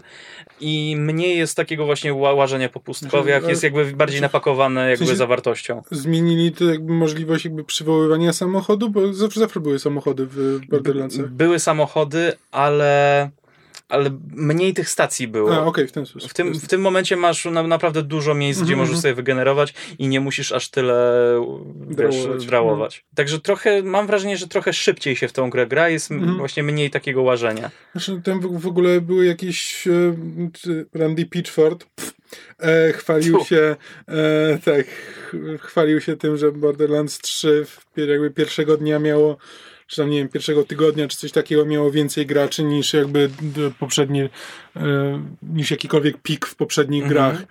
Tak. E, od czasu premiery oglądalność gry na Twitchu spadła o 90% już. No nie, no to Błysk, jest, tak, to tak jak błyskawicznie no. my się nudzimy tą grą, ludzie oglądający ją no, tak samo się błyskawicznie hmm. nudzą. Owszem, ta fabuła, no ja dla tej fabuły chcę dociągnąć tę grę do końca, nie z samej przyjemności grania, hmm. bo już w pewnym momencie te nowe, coraz fajniejsze bronie mi nie dają dodatkowej frajdy. O, na przykład właśnie bardzo pozytywnie mnie zaskoczyło, zanim tutaj przyjechałem, zacząłem wam mówić na górze. Yy, bossowie, których muszę pokonać, to jest Pain and Terror, terror który mi, któremu i tylko jeden z nich mówi, no więc głosu tej parze użycza e, Pen z pary takiej e, magików Pen and Teller. On ma bardzo charakterystyczny głos i też właśnie jest para przeciwników do pokonania, którzy są potem na wielkim robocie i jakieś sztuczki ciekawe wyciągają z tego robota, żeby cię zabić. No jest to bardzo mi miłe odniesienie. Fa właśnie, robota głos e, tych aktorów głosowych też jest bardzo dobra mimo, że to są takie kliszowe, niektóre, wiesz, mm. masz takiego typowego brachola ze studiów, hey bra, e, albo typowego takiego, wiesz, z Luizjany na bagnach, e, come on, let's kill those people. E, tak, to jest dobra robota aktorów, tak. I przyjemnie tą fabułę się wciąga, mimo, że jest ona trochę dziecinna. A propos aktorów głosowych, tam była taka mała historyjka, e, że są jakieś przekręty, bo w Tales from the Borderlands głównego bohatera e, dubbingował Troy Baker i ta mhm. postać pojawia się teraz w trójce, ale nie jest dubbingowana przez Troya Bakera. Mhm. I e, studio, czy nawet konkretnie Randy Pitchford mówił, no bo nie chciał wrócić, a Troy Baker mówi, nie zaraz, chcia, chciałem wrócić, ale, ale Gearbox nie chce zatrudniać aktorów związkowych, a ja jestem mm. w związku, więc nie mogę. Natomiast potem słyszałem, że ten, który ostatecznie dubbinguje tę postać też należy do związku, więc w sumie nie wiem, że, że, tak powiem, za, zabrakło mi puenty rys. Mhm. RHYS. Mhm. E, z tego co wiem, w Borderlandsach trójce jest głową jednej z korporacji. Tak. I jest. ma wąsa teraz. To wszystko, tak. co o nim wie. Pod, pod, pod, koniec można zdecydować, czy ma zachować tego wąsa. Istotne. A, e, przypomniałem sobie coś na temat, na temat kontrol, bo e, Rafał powiedział, że cię nawet zachęciłem, tylko że e, nie wiem, czy będziesz mógł w to zagrać, ponieważ gra owszem wyszła na e, jakby PSA, e, jakby jest dostępna na, na komputerze przez Epic Store, i chyba na PS-ie, nie wiem czy na Xboxie w ogóle jest, e, ale podobno na PS4 e, chodzi e, koszmarnie mhm. i bardzo, bardzo ciężko się w to gra, bo, bo, bo coś jest, no tam, tam znaczy to, ta gra wygląda bardzo ładnie, ja co prawda nie mogę wykorzystać jej pełnego potencjału, bo tam bardzo mocno poszli w ray tracing i e, tam różne, to, to miało tak trochę pokazywać różne nowe technologie, i chyba, chyba nie bardzo wiedzieli, jak to wszystko zrobić na PS-ie, więc mhm. podobno, podobno są bardzo duże problemy z odpaleniem tej gry. E, sprawdziłem na szybko, kontrol jest na Xboxie. Mm, okay. Ale swoją drogą to z biegiem okoliczności chyba omawiamy dwa Epic Store ekskluzywy, bo Borderlandsy tak, też prawda. są na PC, tak mm. tylko na Epiku. Mm. Znaczy w ogóle jakby Control była historia o tym, że Control dostało 10 milionów. Dostało 10 milionów, nie pamiętam waluty, chyba dolarów, e, od Epika, żeby być ekskluzywem. O tym mówisz? Tak. Tylko że, kwota... to jest, tylko, że to jest kwota, która. To nie jest tak, że oni dostali 10 milionów, a potem normalne zyski, tylko tak. potem pierwsze 10 milionów zysku ze sprzedaży kontrol przez Epika idzie teraz do Epika. To jest jakby dostali zaliczkę. Tak, tak, tak, że to jest jakby na, na poczet jakby sprzedanych, sprzedanych egzemplarzy, ale tak, i to jest, to, to jest sposób, w jaki, w jaki Epic bardzo pod, podobno właśnie współpracuje z wieloma właśnie, z wieloma tytułami, które są ekskluzywami, że po prostu, i to dlatego... Zapewnia im gwarantowany zysk. Tak, że po prostu w, no to daje szansę, ponieważ jakby Epic jest mniejszym, mniejszą platformą niż Steam, no to jakby daje, daje mniejsze możliwości dotarcia do ludzi, więc w ten sposób jakby z jednej strony wynagradzano, a dla właśnie szczególnie twórców indie, no to jest naprawdę spora, spora rzecz, że przynajmniej mają zagwarantowany zysk, że nie muszą się martwić o to, czy, czy ta gra, wiesz, e, w, e, czy ta gra w ogóle coś zarobi pierwszego dnia, czy wiesz, czy utonie w algorytmie Steama, czy nie. Znaczy, ja nie chcę jakby piać peanów na cześć e, Epic Game Store'u, bo jakby Epic Game Store na pewno ma swoje problemy, jakby sam fakt udziału w Tencenta w tym e, może, może nie musi powodować różne napięcia e, na poziomie jakby politycznym, ale jak dotąd nie było e, z kogoś, kto mógłby rzeczywiście stanowić, stanowić konkurencję dla Steama. I ja wciąż jestem fanem Steama, wciąż jakby i uważam, że to jest, że to jest bardzo porządna platforma, podoba mi się to, że no ona jest, że to jest tam jest prywatny właściciel, więc jest odporna na różne, e, różne problemy, które, e, które jakby publicznie handlowane spółki, e, z którymi muszą sobie radzić, tak jak na przykład właśnie rzeczy, rzeczy związane, te, ostatnio, to o czym mówiliśmy z Blizzardem i tak dalej, e, bo kiedy jest jakby jeden właściciel, no to jest, jest bardziej odporny na presje jakby polityczne niż jakiś tam zarząd, który ma e, jeszcze udziały w pięciu innych podmiotach i musi to brać pod uwagę, e, ale wciąż jakby na, na rynku przydaje się, przydaje się konkurencja e, i owszem, jeśli w którymś momencie Epic zacznie, znaczy to jest tak, ludzie zaczyna, ludzie zarzucają Epicowi bardzo często tendencje monopolistyczne, że zachowuje się jak monopolista, no tylko, że zachowuje się jak monopolista jakby z pozycji z pozycji jakby mniejszego gracza na rynku, bo jakby musi, bo musi rzucić e, pieniędzmi w, musi, w twórców, musi tracić na tym, żeby, żeby zyskać pozycję.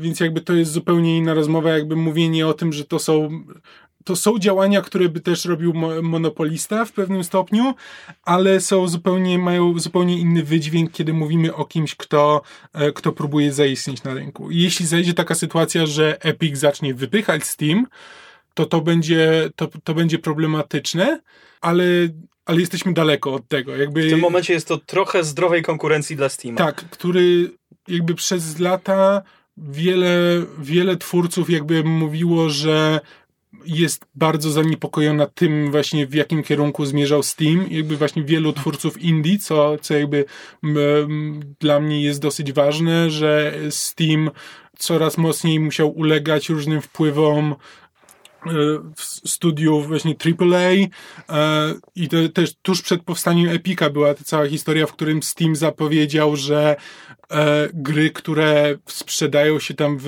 w, powyżej tam nie wiem miliona czy iluś tam iluś tam egzemplarzy będą dostawały większy procent zysków niż, niż inne gry, co jakby, co, co też e, co miało potencjał właśnie tego napędzania e, tego silnika AAA, że będzie tego coraz więcej, no bo w, jakby te, te twórcy indie, którzy przez lata jakby stworzyli dla Steama społeczność, bo wokół gier indie tak naprawdę tworzyła się społeczność Steama przez długie lata. E, po tym jak, e, po tym jak powstał Orange Box, jak powstawał Steam, to jakby e, Steam budował dużo dobrej woli na, na grach indie, a w ciągu jakby ostatnich tam paru lat jakby wykonywał ruchy, które, które faworyzowały duże studia. Więc w tym momencie konkurent taki jak Epic, który w dodatku inwestuje w małe studia, inwestuje w twórców indie, e, był potrzebny. Oczywiście trzeba mu patrzeć na ręce, bo każdej wielkiej korporacji trzeba patrzeć na ręce, ale w tym momencie wydaje mi się to jakby pozytywnym wpływem na branżę. No teraz też Apple ruszyło z Apple Arcade'em, który jest, e, to jest system abonamentowy, że wykupujesz dostęp do Apple Arcade mm -hmm. i masz dostęp do całej tej biblioteki i na starcie ta biblioteka to jest 60 tytułów, w tym całkiem sporo indie. I właśnie też idą w tak. tę stronę. I to też jest, to też jest ciekawe, w, jak to się skończy, bo też już widziałem, widziałem głosy zaniepokojenia. Po pierwsze, nie do końca jest jasne, E, bo jakby Apple nie mówi otwarcie, jakie umowy podpisuje z deweloperami. Tak, e... ale jest coś mowa o tym, że e, zyski dla deweloperów będą zależały od tego, jak długo będą grać w ich gry ludzie. Tak, co, co trochę wykańczy, wykończy ten rynek indie za moment. Tak, gdzie jakby jest sporo gier indie, które na mhm. przykład są długo, szczególnie jakby jeśli mówimy o mobilnych grach, gdzie na przykład, że po prostu to jest tak dwugodzinne jakieś, e, jakieś interaktywne, e, jakaś interaktywna historia czy coś takiego, no to one natychmiast będą na straconej pozycji i jakby głównym, dla mnie główną zaletą jakby takiego systemu, jaki wprowadziło Apple Arcade, jest to, że nie ma tam tych gier opartych na mikropłatnościach, które jakby cały swój model zbudowały na tym, żeby zachęcać graczy do płacenia, żeby móc grać dłużej, musisz płacić e, więcej. Natomiast jednocześnie ten system pozwala twórcom, którzy tworzą właśnie mniejsze, zamknięte gry, coś na tym zarabiać, na tym rynku, a drugą ręką tworzy system, który tworzy nakazuje... system, tak, który jakby sprawia, że będzie nakręcał tych twórców, którzy będą tworzyli gry, które są uzależniające, a nie dobre. Albo sztucznie przedłużają rozgrywkę. Tak, dokładnie. I te, te, te o to się martwię.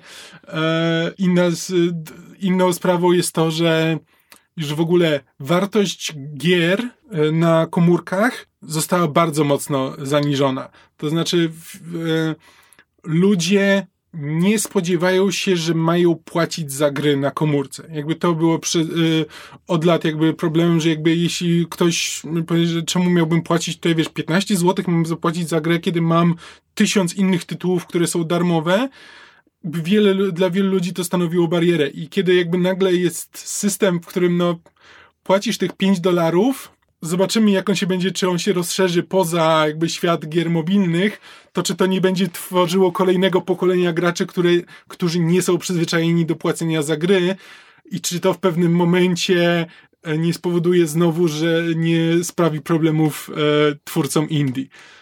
E, więc tam jest dużo rzeczy, które mogą się Żyjemy wydarzyć. w ale... ciekawych czasach. Tak, dokładnie. A propos, a propos gier mobilnych, e, ostatnio postanowiłem sobie znowu odpalić Galaxy of Heroes Star Wars. No, wow. Wiesz co? Ta gra się poprawiła i wprowadzili tam dużo różnych nowych możliwości rozgrywek. Ta, ta gra się naprawdę ciągle rozwija. Byłem mocno zdziwiony. To tak a, a propos gier na tron, ale Dobra, ale jest, mamy już, jest, jest ponad godzina za nami, a Krzysiek jeszcze nawet nie powiedział o swojej grze w tym tygodniu. Wiesz co, to znaczy tak, e, ja o mało nie zostałem klientem Epika, bo e, ch- chciałem sobie poprawić humor kupując e, niezatytułowaną grę o Geusi, która nie ma tytułu, e, tylko zapomniałem, że jest ekskluzywem na Epika, a była, było już e, północ się zbliżała i stwierdziłem, że nie mam teraz ochoty instalować sobie launcher i rozgryzać, jak właściwie tam się kupuje gry, bo jak dotąd tylko brałem te za darmo, po to, żeby nie zagrać w żadną z nich. E, więc wciąż nie mam gry o Geusi. Natomiast e, grałem w Gridfall. Co prawda w ciągu ostatnich dwóch tygodni byłem przepracowany, więc kiedy była godzina 11.15, to nie miałem ochoty odpalać sobie RPG, żeby przejść pół questa, więc wróciłem do Into the Bridge, które pozostaje rewelacyjną grą i przez 45 minut faktycznie można w nie coś ugrać. Ale wczoraj miałem chwilę, odpaliłem sobie Gridfall, żeby sobie przypomnieć właściwie, co się w tej grze Ty miałeś robi. taką zasadę, że o północy musisz się położyć, bo mówisz, że gdy o 11.15 myślę, żeby sobie pograć, to mam to 45 minut do północy. Nie mam takiej zasady, ale dla własnego zdrowia fizycznego i psychicznego próbuję się nie kłaść bardzo późno. Poza tym byłem przepracowany ostatnie dwa Wczoraj w pół tygodnie. do trzeciej się położyłem. Jezus Maria. ty jeszcze chodzisz do roboty? E, znaczy ja dzisiaj i jutro mam urlop akurat, więc Aha. dlatego mogłem sobie pozwolić. Dobra. A w każdym razie Gridfall. E, Gridfall jest grą, którą śledziłem od pierwszych zapowiedzi, bo wyglądały bardzo klimatycznie. To jest e, RPG, które potem w swojej kampanii e, promocyjnej zdecydowanie chciało się wstrzelić w lukę po BioWare. Znaczy BioWare wciąż istnieje, ale już nie robi gier takich, za które ludzie polubili, a nawet pokochali BioWare. I Spiders Interactive, bo to jest to, to francuskie studio za to odpowiada, a przynajmniej ich dział marketingowy, stwierdzili, dobra, jest nisza, my ją wypełnimy. Więc Gridfall jest grą RPG opowiadającą o świecie fantazy, e, w którym... Przepraszam, ale czy możesz mi przypomnieć, co Spider stworzyło oprócz Gridfalla? Czy kojarzysz? Czy... Wiesz co, oni e, robili of Orcs and Men, ale to była chyba ich koprodukcja z Cyanide, a poza tym robili rzeczy w rodzaju Martian Warlocks czy coś takiego. Dobra. Spiders dotąd robiło takie solidne 5,5, 6 na 10. Mhm. Jeśli jest w worku z przecenami w supermarkecie, bierzesz i grasz. Jeśli nie, nie. I Gridfall ewidentnie jest tą grą, w której oni stwierdzili, że w końcu się zrealizują. W końcu te ich wszystkie wielkie ambicje tutaj się zrealizują. No i to widać. Widać ten entuzjazm w tej grze. E, To jest tak, mamy e, fikcyjny świat, e, który jest, ma teraz swoją epokę baroku, jakkolwiek ją nazywają, to znaczy są płaszcze, szpady, pistolety skałkowe, oczywiście magia, no bo fantazy. I jest to świat, w którym ten główny kontynent, czy region, którym się interesujemy, jest, jest podzielony na kilka, na kilka potęg, które za moment staną się potęgami kolonialnymi, bo gdzieś tam 15 lat wcześniej odkryto wyspę Tir Frade, na którą teraz wszyscy się rzucają, żeby tam zakładać swoje pierwsze miasta. I fabuła bardzo szybko rzuca tam naszego bohatera, tudzież bohaterkę, e, Desarde, chcę powiedzieć Markiza, tudzież Markizę Desarde, ale być może właśnie sam nadałem jej ten tytuł szlachecki. Nie kojarzyć się z Markizem de Sade. Być może. Marquis tak, de Sade. Sardet. E, De Sardet w każdym razie to jest nazwisko. E, Mamy tam kilka potęg. My sami wywodzimy się z e, miast, handlowego miasta państwa Seren, które zachowuje neutralność w konflikcie. W konflikcie, który toczą ze sobą e, Teleme, które jest królestwem, krainą. e, e, Tam jest religia państwowa. E, Zgubiłem słowo, które... Teokracją. Teokracją, właśnie. Więc jest teokracja Telem i jest e, sojusz e, The Bridge Alliance. To, to są miasta, które łączy to, że są w krainie geograficznej, która z jakiegoś powodu jest nazywana mostem. Nie trafiłem jeszcze na żaden kawałek loru, który by wyjaśniał tę nazwę. E, którzy z kolei skupiają się na rozwoju naukowym, i są bardzo mocno zakodowani w kulturze arabskiej. To znaczy mhm. ich miasto, ich główne miasto to jest bodajże Al-Sad czy coś takiego. Wszyscy, wszyscy noszą turbany mhm. e, i tak dalej. E, do tego mamy jeszcze gildię żeglarzy, e, która jest jakby niezależna i zapewnia wszystkim transport i gildię najemników, która też jest niezależna i nie wiem, bije się za nich wszystkich. Mhm. Trochę, trochę nie wiem. Trochę nie wiem, jak to działa, czy Gildia ma jakieś kontrakty, że nie może się bić sama ze sobą, ale wtedy nie wiem, kto by chciał ją zatrudniać, więc mówię, są tam frakcje, czy one się składają w jedną logiczną całość, do końca nie wiem. I oczywiście, gdy trafimy na wyspę, no to na wyspie są też tubylcy, którzy są tą szóstą frakcją w tej grze. I teraz tak, e, fabuła. E, po tym kontynencie szerzy się jakaś straszna choroba zwana Malachiorem i z jakiegoś niewyjaśnionego powodu e, wszyscy liczą, że na tej nowo odkrytej wyspie, że na Tir Fradi jest, jest lekarstwo. Nic na to nie wskazuje, ale wszyscy na to liczą. Okay. E, więc początek fabuły napełdza nam, że no to, to pojedziesz na tę wyspę i się rozejrzysz, zobaczysz co Teleme i Bridge Alliance już odkryli na temat antidotum i zobaczymy co dalej. Mówię, nie ma żadnego logicznego mm -hmm. powodu, żeby przypuszczać, że tam będzie to antidotum, ale wszyscy są święcie przekonani, że ona tam będzie. E, poza tym... Bo, poza bo tym... teraz są tubylcy. Tubylcy znają starożytne metody, starożytną medycynę i na pewno są w stanie... Wiesz co? To znaczy tak, przede wszystkim to jest e, w miarę ciekawy, ciekawa zagłaska, bo na tej wyspie są też ruiny, które zdecydowanie wyprzedzają tę współczesną kulturę hmm. tubylczą i też są w dość już chciałem powiedzieć europejskim, w kontynentalnym stylu, bo to mm. przecież nie Europa, więc tam jest też zagadka, jaka jest prawdziwa historia tej wyspy. Ja na razie nie mam pojęcia, nie zabrnąłem tak daleko.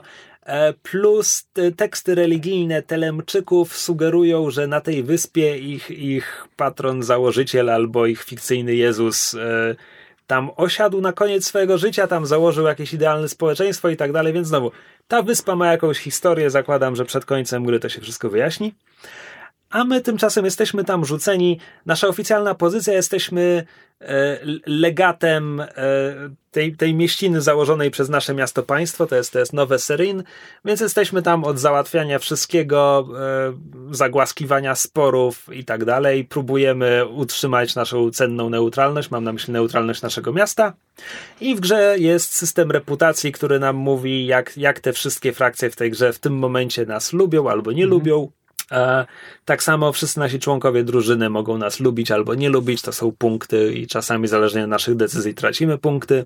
Czyli trochę takie, bo, bo pamiętam, że znaczy to, że masz wskaźnik, który pokazuje ci, jak lubią różne, jak ci bardzo lubią różne frakcje, to jest taka mocno obsydianowa, E, tak, na przykład mechanika. New Vegas. Natomiast to, jak bardzo cię lubią y, członkowie twojej drużyny, to jest, to jest zacznięte z Dragon Age'a.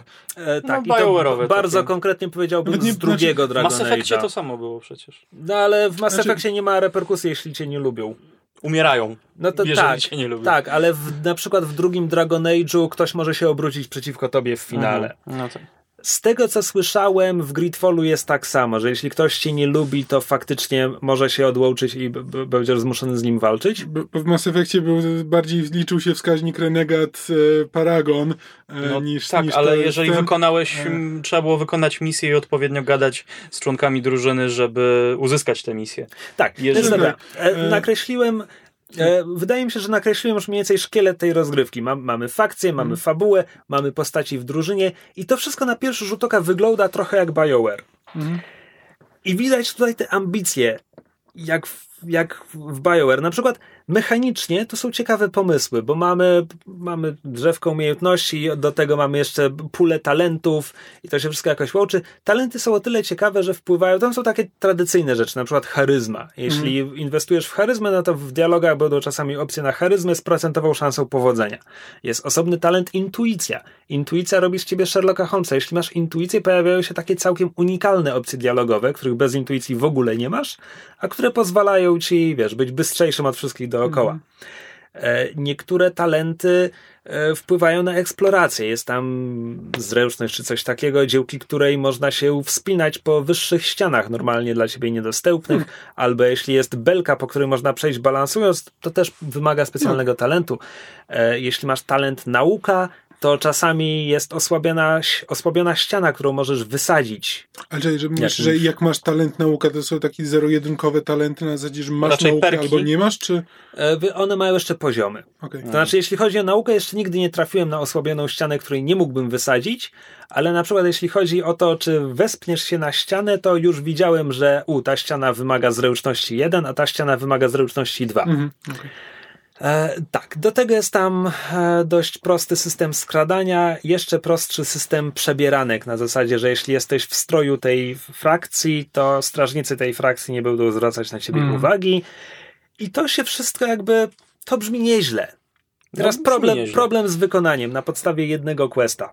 Mam quest, w którym e, szukam jakiegoś rekruta gildii żołnierzy, z której mój żołnierz z drużyny, on, on się nim opiekował, doglądał, jakby zrekrutował go i teraz jest ciekaw, jak się rozwija jego kariera. No więc rozwija się tak, że ten chłopak nie żyje, więc znajdujemy go zwłoki w kostnicy i jest mowa, przepraszam za spoiler, jest mowa, że chłopak utonął. Więc jesteśmy w kostnicy. Jeśli mamy talent nauka, możemy obejrzeć zwłoki i powiedzieć: Nie, zaraz, moment, przecież widzę, że go pobili. Jeśli mamy w drużynie, w drużynie panią Afrę z Bridge Alliance, ona jest naukowczynią, ona może spojrzeć na te zwłoki i powiedzieć: Nie, no, moment, spokojnie, przecież go pobili na śmierć. Spoko. Ale co jeśli nie mamy talentu nauka ani pani Afry w drużynie? Quest musi dać się jakoś rozwiązać. No więc pół metra od łóżka, na którym leżą zwłoki, jest książka, w której e, lekarz, koroner zapisał, co, co mu się naprawdę spotkało. A, a ten lekarz jest za drzwiami i, i powiedział nam w twarz, że on utonął. Mm. Ale w tej książce, która leży koło zwłok, jest napisane, że nie utonął. Wow. I to jest ten moment, w którym jest to zderzenie jakby ambicji z autentycznymi możliwościami i realizacją. I mm. Te zderzenia są na każdym kroku. To znaczy, jak się przebierzesz, muszę zinfiltrować e, siedzibę gildii żeglarzy. Przebrałem się za żeglarza. Oczywiście przebranie musisz tylko wymienić to, co, to, co nosisz na korpusie. W związku z czym przed chwilą miałem misję, gdzie musiałem się przebrać za służących, więc idzie trójka służących z metalowymi hełmami na głowach, bo tego nie muszę wymieniać, bo gra tego nie wymaga. Pewnie. Hmm. E, przebrałem się za żeglarza, więc się chwilowo skradam, znaczy nie skradam, nie muszę się skradać, bo żeglarze na mnie nie reagują. Jak wysadzę im kawałek ściany, żeby wejść do ich magazynu, też na mnie nie reagują, bo noszę odpowiedni strój. Wow. E, dalej, no mamy, mamy tę, e, co, piątkę e, bohaterów, których możemy skaptować do drużyny. No i to już nawet nie jest poziom BioWare, to nawet nie jest poziom wczesnego BioWare'u, bo oni, każ, każde z nich jest archetypem frakcji, do której należy. Mhm. Jest nawigator. No tak. Ma charakter nawigatora. Jest żołnierz. Ma charakter żołnierza. Jaki charakter ma jest... nawigator? Nie znam zbyt wiele Lubi sorry. może, nie lubi szczurów loadowych. Aha, okej. Okay. E, jest, jest tubylka, która no, jest tubylką, więc sprzeciwia się, kiedy tubylców biją. Mm. E, jedyny, który się z tego... Jakby, bo jak przypomnisz sobie BioWare, nie wiem, jeśli to będzie pierwszy Mass Effect, no to Rex nie jest po prostu kroganinem, jest Rexem. Tali nie jest po prostu kwarianką, jest e, kliszą BioWare numer 5, to znaczy naiwną nastolatką, ale nie jest tylko kwarianką. Mm, no a tutaj ewentualnie pan kapłan się trochę wybija z tego, ale głównie to zasługa um, aktora, który, który go dubbinguje, bo on ma taki ciepły, chropowaty głos trochę starszego człowieka, mm. co nadaje mu charakteru, którego tak naprawdę nie ma w jego wypowiedziach. I to jest niestety kolejny problem. Jak na RPG, który próbuje jakby boksować w tej lidze co BioWare, e, drzewka dialogowe są tu strasznie skope, strasznie mało mhm. mają możliwości. Zasadniczo sprowadzają się do pytania o ekspozycję i mówienia tak zrobię to, nie, nie zrobię tego. W związku z czym Desarde nie ma charakteru. Można trochę tu nadpisać teorię, że ponieważ Desarde próbuje być neutralna wobec wszystkich frakcji, więc dlatego nie ma, mm. więc dlatego nie wyraża żadnych opinii, no ale to nie pomaga. No, to jednak, to jednak że to jest, wiesz, to jest spokojnie, kiedy masz, nie wiem, shooter i po prostu masz postać, która zasadniczo masz być sobą i tylko potrzebujesz mieć te, te, te, te jak zwany po angielsku, te cipher, żeby mieć po prostu kogoś, żeby, w, które, w kogo możesz się mhm. wcielić. Ale jednak w RPGach możliwość powiedzenia na zasadzie ja uważam tak i usłyszenie tego z ust swojej postaci, którą masz odgrywać, jednak jest bardzo ważna do tej tak, imersji RPGowej. Tak. E, teraz tak, jeszcze jedna dziwna rzecz konstrukcyjna, to znaczy, ponieważ wzorujemy się na BioWare'ze, więc e, członkowie naszej drużyny wszyscy mają dla nas e, drzewko questów do wykonania i jeśli wykonamy odpowiednio dużo questów, to wypadnie seks, ponieważ udajemy BioWare. Mm. tylko nie ma tutaj... Co jest w tej krypcie? Pung! O, seks! Nie, nie ma tutaj systemu, który by blokował do tego dostęp tak, żeby gra miała jakikolwiek tempo i strukturę narracyjną. To znaczy, w momencie, gdy mam człowieka w drużynie, mogę zacząć robić jego questy, aż wypadnie seks. I jakby nie ma żadnego momentu, w którym gra mi powie, no dobra, to zrobiłeś dwa questy dla niego, teraz zajmij się czymś innym. Znaczy, nominalnie jest. Oni zawsze po wykonaniu questa mówią, muszę o tym pomyśleć, wróć do mnie później, ale to jest kwestia pięciu minut. Mm -hmm. E, w związku z czym rozmawiałem z Ocią. Ocia, że tak powiem, w głównym kwestie jest dalej ode mnie, ale jej już wypadł seks z jednym z bohaterów, bo najwyraźniej można zakończyć jego drzewko, jakby nie robiąc nic innego w tej grze, co jest dla mnie zwyczajnie dziwne. Mhm. Może oni zrobili to Nawet dlatego... levelem to nie jest ograniczone? Nie. Nie. Bo wydawałoby się, że powinno być. Tak? No. Zazwyczaj tak to było, że im bliżej końca gry, tym ci się odblokowują właśnie questy związane z, two, z twoimi towarzyszami. No właśnie, a tutaj po prostu, jeśli, jeśli chcesz, to możesz przysiąść w dwie godziny zrobić całe drzewko jednego towarzysza i potem przejść do kolejnego dwie, towarzysza. Dwie godziny muszę, zrobić seksy. Muszę Xboxa starego szczerze, odkurzyć, bo chcę jedynkę Mass Effecta chyba znowu przejść. Szczerze mówiąc, e, szczerze mówiąc, w tym momencie utknąłem właśnie w robieniu questów dla tych e, moich, moich towarzyszy z drużyny, e, bo są ciekawsze od głównego questa. Znaczy do głównego questa nie ciągnie mnie nic. Mm. A, a przynajmniej przy ich osobistych coś się trochę dzieje. Czasami Znowu, oni czasami mają napisane interakcje między sobą, bez mojego udziału. I to są rzeczy, w których wyraża się ich charakter. Jest tego mało, jest tego za mało. Mm. A przy tym wszystkim, jakby pomimo tych wszystkich niedociągnięć i tego, kiedy, kiedy widać, że te systemy nie działają tak, jak w głowach twórców miały działać i tak dalej, wciąż to gram i jest to całkiem spoko i mówię to jakby w momencie, gdy w ciągu ostatnich dwóch lat odpadłem od Andromedy i Inkwizycji.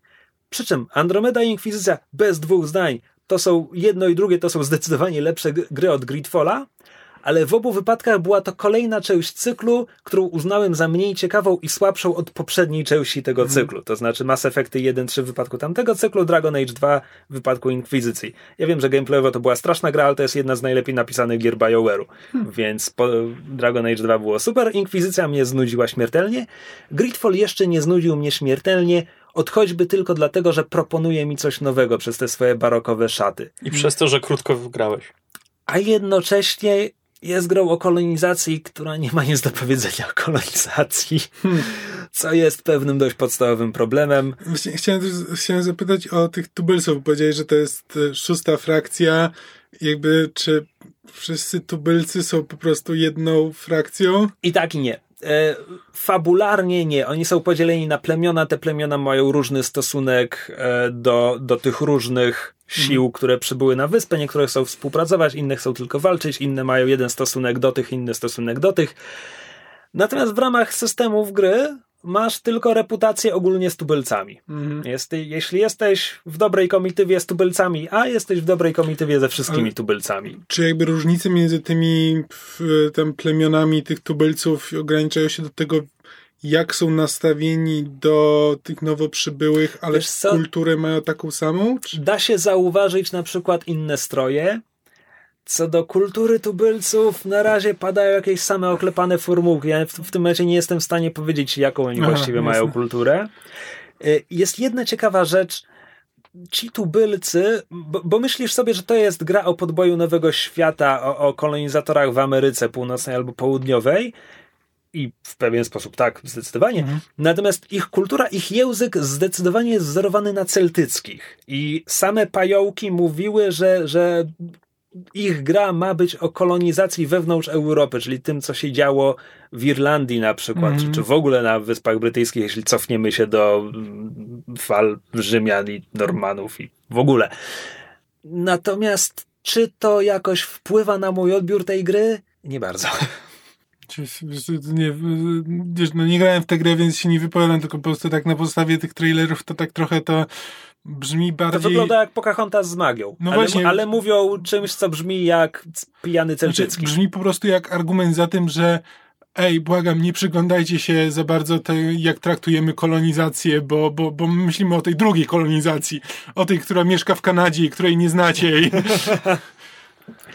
To znaczy, kurczę, no, jest tu trochę zniuansowania właśnie dzięki temu, że tubylcy są podzieleni na różne Mm. plemiona, przynajmniej fabularnie. Jest tu trochę zniuansowania w tym, że no, są różne siły na tej wyspie, które mają różne cele. I tak, wszyscy depczą tubyl- tubylców, żeby je osiągnąć, Mhm. ale robią to z różnych powodów. Natomiast, no nie wiem, może to znowu... Nie, kurczę, chciałem przypisać temu decyzję artystyczną na zasadzie, no bo Destarde jest częścią tego świata, więc jako ktoś pochodzący z tego świata, czemu miałby krytykować, albo miałaby krytykować ko- kolonizację? W końcu jest kolonizatorką, ja gram kobietą. E, Ale to nie jest decyzja artystyczna, to jest kwestia tego, że Destarde nie wyraża swojej opinii na żaden No temat. tak. Ale czy jakby, czy widzisz tam potencjał, że gdyby miał powstać Gridfall 2 i powiedzmy, ja nie wiem jak się sprzedał Gridfall 1, ale Całkiem dobrze. On w pewnym momencie był w top 10 na Steamie w tych tygodniowych No bo ludziom sprzedaży. brakuje gier BioWare'u i mieli nadzieję, że to No będzie tak. coś w tym stylu. Jakby czegokolwiek o Gridfallu by nie mówić, marketing zrobili dobry. Mhm.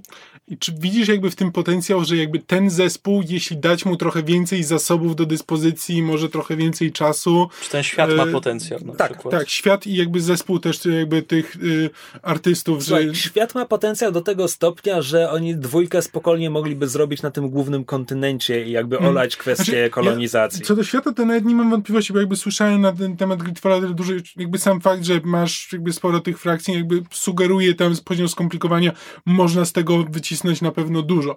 Tylko czy ten zespół, który tworzył Gridfalla jedynkę, e, jakby tak patrząc na to, co do tej pory jakby widziałeś, czy widzisz tam po prostu jakąś taką iskrę, która mogłaby się rozwinąć, gdyby dać im trochę więcej możliwości? Tak, tak. Znaczy, oni ewidentnie próbowali doskoczyć do BioWare'a i są momenty w tej grze, kiedy masz takie, kurczę, tak, Mhm. w tej scenie doskoczyli. To, to będzie, wiesz, to będzie albo przerywnik, który faktycznie udało im się zaaranżować filmowo i fajnie wygląda, albo to będzie ten moment, kiedy jest jakaś rozmowa między członkami drużyny i ona jest fajna i oni się w niej jakoś wyrażają. Czy to będzie wreszcie to, gdzie quest faktycznie ma pięć sposobów na rozwiązanie i one nie są wszystkie zamknięte w tym samym pokoju. Mhm. To nie są niestety częste sytuacje. Jasne. Ale tak, jeśli Gridfall się sprzeda, wydaje mi się, że ta ekipa byłaby w stanie zrobić grę, która mogłaby się boksować z BioWare'em. A w- no, to w tym momencie są. wyjdzie. Kurczę, no porównując do Wiedźminów, to graficznie to są w pół drogi do Wiedźmina 2, ale gameplayowo są trochę za Wiedźminem 1. Uch. Wiedźmina 2. Wiedźmin 2 był bardzo ładny, zwłaszcza jak No, na Wiedźmin swój, 2 jest wciąż na swój rok. ładny. No tak. Nie, bo jestem świeżo w trakcie grania w trójkę i bardziej bym się spodziewał, że jakaś nowa gra, która ma wyjść, byłaby bardziej w, w połowie drogi do Wiedźmina 3. Wiesz, że Wiedźmin 3 był absolutnie w czubie, jeśli chodzi o osiągnięcia graficzne gier z otwartym światem. Hmm. To było tylko 3 lata temu. 3 czy 4? Trójka? 2015 czy 16? Czy ja Wydaje mi się, że 16. po 3,5 roku temu kupiłem konsolę z Wiedźminem i to było już jakiś czas po premierze Okej, czyli Wiedźmina. 2015 albo 14, ależ ten czas leci. E, w każdym razie Gridfall. Wiem, że będę w to grał dalej. Zaraz wyjdzie Disco Elysium, więc nie wiem, ile będę grał w to dalej. Ale cholera wie, może odbije się od Disco Elysium. Zobaczymy. Może, może to będzie zbyt dziwne jak na mnie. 15. 2015 Witcher 3. Na razie chcę dawać jeszcze szansę Gridfallowi. Niestety, mówię, to jest gra, ona zasłużyła co najwyżej na 2A. Są momenty, technologicznie, jakby jest tam ładne światło, zdarzają się tam ładnie zaaranżowane przerywniki. Ja to pisałem na fanpage'u, że oni ewidentnie inspirowali się właśnie barokowym malarstwem i właśnie to, ta gra światła, cień. Czasami to wygląda bardzo ładnie, przez większość czasu wszystko jest po prostu beżowe Mhm. ale czasami jest to bardzo ładne. Natomiast jakby co chwila coś nie domaga, postaci są koszmarnie animowane. To znaczy, bohaterowie jeszcze jak cię mogę, natomiast wszyscy inni w tym świecie to są manekiny. I to dramatyczne manekiny. Dramatyczne manekiny. E, nie, dramatyczny manekin sugeruje, że jest w nich więcej życia niż w nich jest. E, Draw distance jest fatalny. To znaczy, ja naprawdę wchodzę do pomieszczenia i dopiero pięć kroków za drzwiami mi się ludzie, którzy są w tym pomieszczeniu, malują. Ojej. O, ten sam problem miałem w Borderlandsach. Często ląduję w lokacji i idę przez ładny kawałek drogi i dopiero mi się tekstury na broni ładują, e, tekstury na, na, na okolicy, dopiero mapa się po jakimś czasie pokazuje. Tak, więc to jest zdecydowanie jakby BioWare z tego kosza z promocjami, mm. a niestety to jest gra, która się wyceniła jak AAA, to znaczy ona mm. kosztuje dwie stówy na Steamie.